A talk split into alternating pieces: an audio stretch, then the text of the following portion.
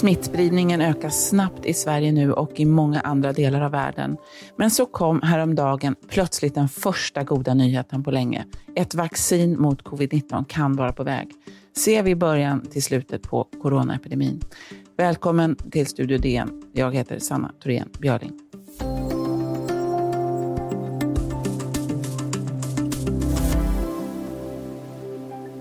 Ninety percent is a game changer.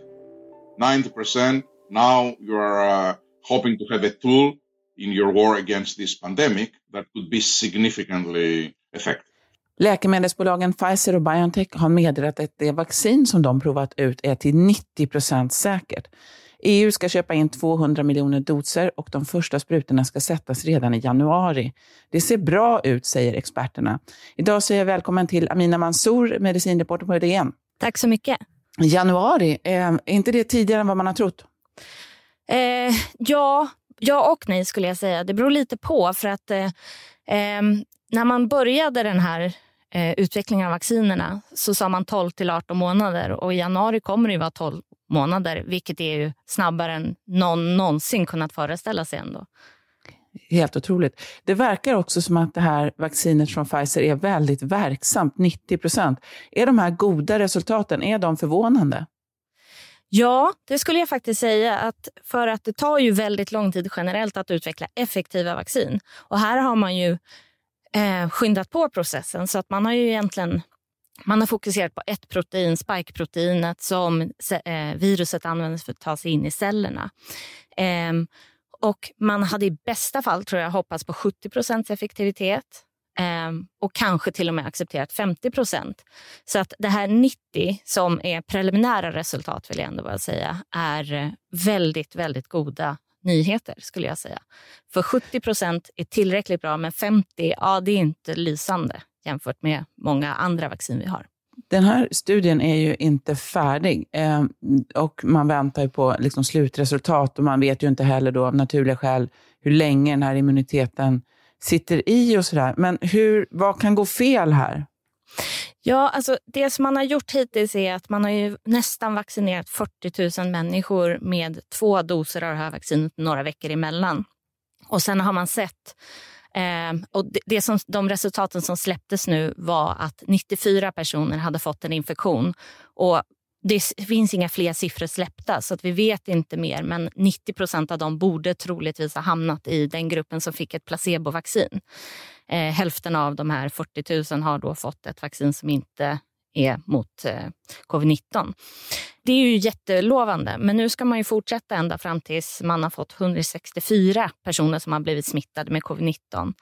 Så att det är fortfarande lite så här, vi vet inte för den är ju inte klar den här studien. Och 164 det är en, en sån här statistisk siffra då som man, det är därför man hamnar på just det här antalet eller? Ja, jag, så har jag förstått det i alla fall, att det är därifrån som då kan man göra tillräckligt starka slutsatser. Eh, så så att det här vaccinet måste ju testas i verkliga förhållanden och på ställen där det pågår mycket smittspridning. Och det gör det ju i stora delar av världen just nu. Men när man började i somras så fanns det inte över, i Europa testar man till exempel inte det här vaccinet för då var det inte någon hög smittspridning här.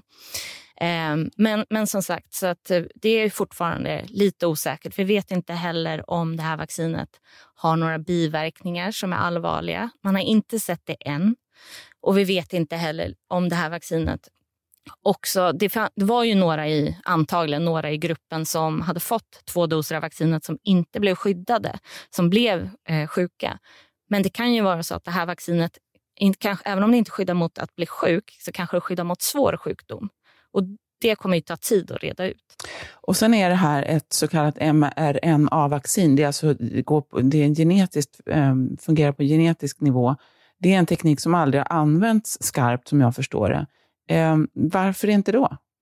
Eh, det här är en väldigt ny teknik. utan Det är så att du för in eh, en bit av virusets arvsmassa som får cellerna att producera ett protein som sen gör att kroppen reagerar och skapar ett immunförsvar vilket gör att det ska bli snabbare. Det är en väldigt ny teknik och det är jättespännande. Men det finns som sagt inga eh, godkända vaccin mot det här idag. Och Det här vaccinet måste också förvaras i minus 80 grader ungefär. Så det, är det kräver en ganska avancerad fryskedja. Och det gör ju att det blir svårt att kanske transportera det här vaccinet överallt och alltså distribuera det.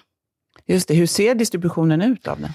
Eh, man håller på att bygga upp de här samtidigt. Alla processer är påskyndade. Vanligtvis så vill man liksom först forska, sen ansöka om godkännande och sen så eh, producera eh, vaccinet och sen distribuera. Nu gör man alla de här processerna parallellt. Så att jag skulle säga att det är nog en logistisk utmaning. För en stor utmaning är också att producera tillräckligt många doser för hela världen. Och det eller för, åtminstone för alla som behöver vaccinet. Och det kommer ta tid. Just det. Hur vet man, det vet man väl kanske inte heller då, men vad tror man om att det kan vara verksamt mot, vi har börjat läsa om muterade versioner av, av viruset. Vet man något om det här vaccinet biter på dem? Det vet man ju inte än, men jag skulle säga att de här, det, eh, som, det som kommer från Danmark, den oron, eh, det verkar vara ganska få personer om det inte sprids. Men, så att vi vet inte så mycket mer än. Men det här är den vanliga, den spridda covid-19, den som vi eller de flesta eh, blir smittade av. Där verkar vaccinet vara verksamt i alla fall. Just det. Eh, vi ska strax eh, återkomma mer om det här vaccinet med eh, DNs medicinreporter Amina Mansour.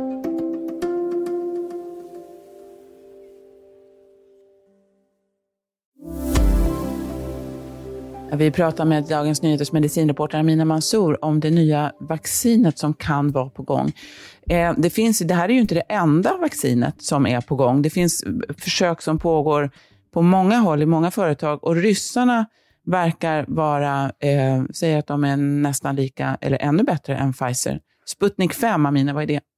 Eh, det är ett annat typ av vaccin och det är ett ryskt vaccin som eh, baseras på det är så adenovirusvektorvaccin, så det baseras på ett annat virus, så ett förkylningsvirus som då man använder sig av för att trigga ett immunsvar. Och eh, AstraZenecas och Oxfords vaccin baseras också på det här. Så att det är Sputnik 5 de gick ut i, måste varit i augusti och sa att eh, de hade världens första vaccin mot covid-19. Eh, det var ju inte färdigtestat då och det är fortfarande inte färdigtestat. Så det här är också preliminära resultat som Ryssland släppte då eh, bara dagen eller dagarna efter Pfizer och Biontechs resultat hade släppts. Och då sa de att det var 92 procent effektivt. Men det här är också baserat på bara 20 personer som har fått en infektion. Så att det är ju ännu mer osäkert skulle jag säga. Men då alla de här olika vacciner som biter på lite, fungerar på lite olika sätt eh, och de kanske har lite olika verkningsgrad. Vad är det som avgör vilket vaccin man får? Kan man välja eller beror det på vad svenska staten köper in? Eller vad, eh, hur kommer man att veta vilket vaccin man får?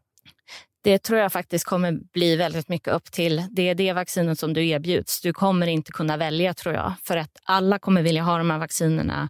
Eh, Covid-19 har på, pandemin har påverkat hela världen och det pågår ju fantastiskt mycket forskning just nu och jag är ganska, även om det är väldigt tidiga resultat och vi har fortfarande en bra bit kvar innan vi kommer ha ett vaccin på plats.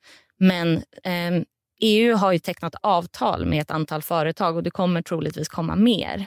Eh, så att det kom, man kommer nog försöka fördela de doser som kommer först. För att det är ju inte alla vaccin som nu testas i fas 3, som det heter, de här senare studierna. De kommer ju kanske inte funka. Somliga är mer effektiva hos äldre, somliga är mindre effektiva hos äldre. Och så man kanske håller på att pussla lite helt enkelt. Så att jag tror att vi kommer helt enkelt få, få ett erbjudande om ett vaccin och eh, det är godkänt och säkert och effektivt. Då vill du vaccinera dig, då ska du ta det och inte vänta på något annat, tror jag. Men Nej. jag vet ju inte exakt hur det kommer se ut. Det vet nog ingen i nuläget. Och de, de, som får vaccinet först, ska vi säga, det är ju riskgrupperna då och andra kan få vänta. Vilka är det då som man kan räkna med att få, få vaccin? Eh, vilka är de här riskgrupperna som står först i kö? Dels kommer det ju vara de äldre. Jag tror att 70 plus har man sagt i Sverige. Eh, och sen så kommer det också vara de som har kroniska sjukdomar som kanske då vissa kroniska sjukdomar som gör att de är mycket mer utsatta. Och sen så har man också sagt i Sverige att man prioriterar hälso och sjukvårdspersonal. Just eftersom de är eh, också i frontlinjen mot det här och behandlar folk. Så att, det. Och det skulle, om många av dem blir sjuka så blir det också ett stort problem för sjukvården att hinna med. Mm. Ja, smittan går ju väldigt fort nu i många länder. Jag råkar befinna mig i USA just nu och där ser man spridning framförallt till nya platser som kanske inte tidigare har varit lika hårt drabbade. Eh, om man tittar på siffrorna så såg jag i någon tabell här att Sverige ligger ungefär lika i antal fall eh, som USA, eh, sett till andel av befolkning och så, medan USA har en högre dödlighet. Är de här siffrorna, kan man liksom jämföra länder så det, är så, det är så lätt att man fastnar i någon tabell och så sitter man och tittar på vilket land, som är värst. Är det relevant att jämföra de här siffrorna? Det är jättesvårt, särskilt när det gäller fall. Då, alltså antal smittade, nya fall, då beror det på hur man testar. I vissa länder testar man hela befolkningen man screenar.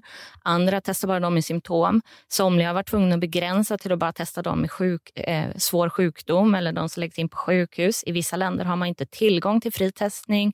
Så det, det beror ju på hur man testar. Och Samma sak så är det också med dödsfall och intensiv, intensivvård brukar verka vara ungefär lika i de flesta länder. Men dödsfall är jättesvårt för där beror det på hur man rapporterar. I vissa länder så är det Eh, till exempel att har du inte en lunginflammation eh, men dör av en hjärtpåverkan, en hjärtinfarkt, så räknas inte det fastän man hade covid-19.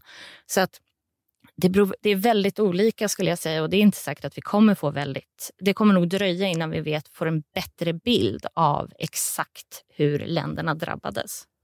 Man ska alltså vara lite, lite försiktig när man sitter och jämför de här olika siffrorna.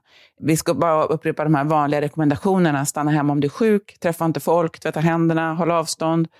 Jag måste också fråga en sak om munskydd som är så otroligt eh, påtagligt när man är här i USA. Eh, här anser ju, det har blivit så politiserat här och demokrater eh, tycker att det är skydda liv att ha munskydd medan republikaner eh, gärna går utan munskydd och säger att det, det där behövs nog inte. Eh, finns det några nya studier i munskyddsfrågan? Nej, alltså vad jag har sett har det inte kommit några nya avgörande studier. Det finns en del studier på laboratorienivå, men vi är ju inte labbmöss eller hamstrar. Det finns en del studier eh, som man ser i samhällen, men de är inte särskilt tydliga. Och sen så finns det, eh, saknar vi egentligen de här randomiserade studierna där folk slumpas till att man, man delar upp folk och ber några ha munskydd och några inte. Det gjordes en sån studie i Danmark i våras och i somras, eh, men de forskarna får inte den studien publicerad. Eh, så det har blivit en massa konspirationsteorier om att de inte får den publicerad för att den inte visar att munskydd inte funkar. Men det kan ju också vara så att den här studien inte var tillräckligt välgjord. Eh, men, men det kan ju också bero på att eh, det, det, var väldigt lite smitta i samhället just då. Så det finns ju massa problem med det här, men det här spär ju på. Så det är en ganska, eh, jag skulle säga att det är en väldigt laddad fråga i Europa också på många ställen. Mm. Väldigt intressant. Eh, också då till sist, vad tror du om det här vaccinet nu kommer ut och, och är så effektivt som du, som det verkar? Blir det Nobelpris till de som har tagit fram det då? RNA-vaccin skulle kunna få det, men jag tror inte kanske nästa år. För att de, Nobelkommittén är inte så himla, skulle jag säga, känsliga för eh, trender. Okej. Vi har all anledning att återkomma till dig, Amina. Tack så jättemycket för att du var med idag. Tack så mycket. På måndag i Studio DN ska vi prata om en ny metoo-våg, denna gång i Egypten, där allt startade med ett Instagramkonto. Studio DN görs för Podplay av producent Sabina Marmelakai, exekutiv producent Augustin Erba, ljudtekniker Patrik Meisenberger och teknik Jonas Lindskog, Bauer Media. Jag heter Sanna Thorén Björling.